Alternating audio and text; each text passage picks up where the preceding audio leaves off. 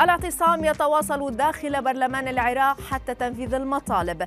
إنقاذ طفل موريتاني حصرته السيول الجارفة لساعات. سقوط مرعب لبقايا الصاروخ الصيني التائه.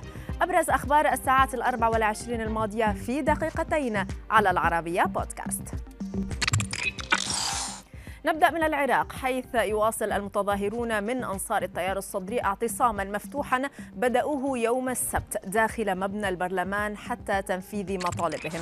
عضو في فريق الصدر السياسي طلب عدم نشر اسمه. قال لوكالة رويترز إن الاعتصام مفتوح لحين تلبية مطالبهم التي تتمثل بحل البرلمان وإجراء انتخابات جديدة واستبدال القضاة الاتحاديين إضافة إلى محاكمة نور المالكي رئيس ائتلاف دولة القانون فيما رفع أنصار التيار الصدري شعارات تنديد بالإطار التنسيقي الموالي لإيران رفضا لترشيح محمد السوداني لمنصب رئاسة الحكومة.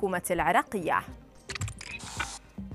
بعدما ظل عالقا وسط السيول الجارفة لأكثر من يوم أنقذت السلطات المختصة في موريتانيا طفلا ظل متشبثا في صخرة وسط السيول التي ضربت سد ممديد وسط البلاد. مشاهد الطفل الذي يدعى محمد أحمد ولد محمد الملقب بشبو لاقى تفاعلا وتعاطفا واسعا على السوشيال ميديا فيما أشارت وسائل إعلام محلية بأن محمد كان توجه رفقة مجموعة من أصدقائه إلى السد حيث تعودوا على السباحة هناك لكن سيول جارفة قادمة من هضبة مجاورة حاصرته من كل الجوانب.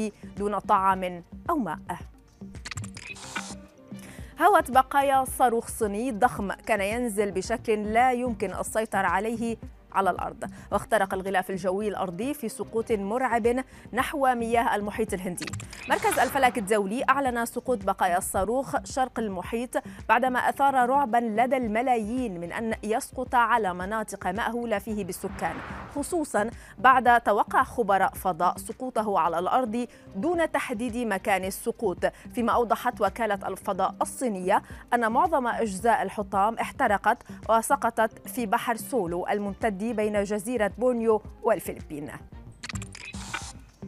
كشفت دراسة حديثة أن نوعين من السلالات المجتاحة وهما الضفدع الأمريكي وثعبان الشجر البني كلفا العالم خسائر بنحو 16 مليار دولار بين عامي 1986 و 2020 الدراسة التي نشرتها دورية Scientific Reports أوضحت أن تلك الخسائر أتت نتيجة تسبب هذه الحيوانات في مشكلات تتراوح بين تلف المحاصيل وانقطاع التيار الكهربائي عن طريق الزحف على المعدات الكهربائية فيما أشارت مجلة فوربس إلى أن هناك أكثر من ألف نوع من الزواحف والبرمائيات يساهم الكثير منها في إحداث مثل تلك التأثيرات.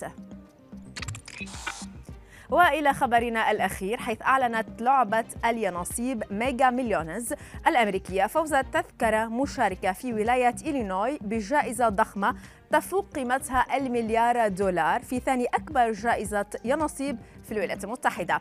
وسائل أعلام أوضحت أن قيمة الجائزة الكبرى تضخمت مع دخول مزيد من المشاركين لتجربة حظهم مشيرة إلى أن صاحب الحظ السعيد سيحصل على 1.337 مليار دولار. إذا ما وافق على تقسيط الدفعات على 30 عاماً. لكن إذا أراد تسلم جائزته دفعة واحدة فسيحصل على مبلغ 780 مليون دولار فقط. إذ سيذهب جزء كبير منه للضرائب.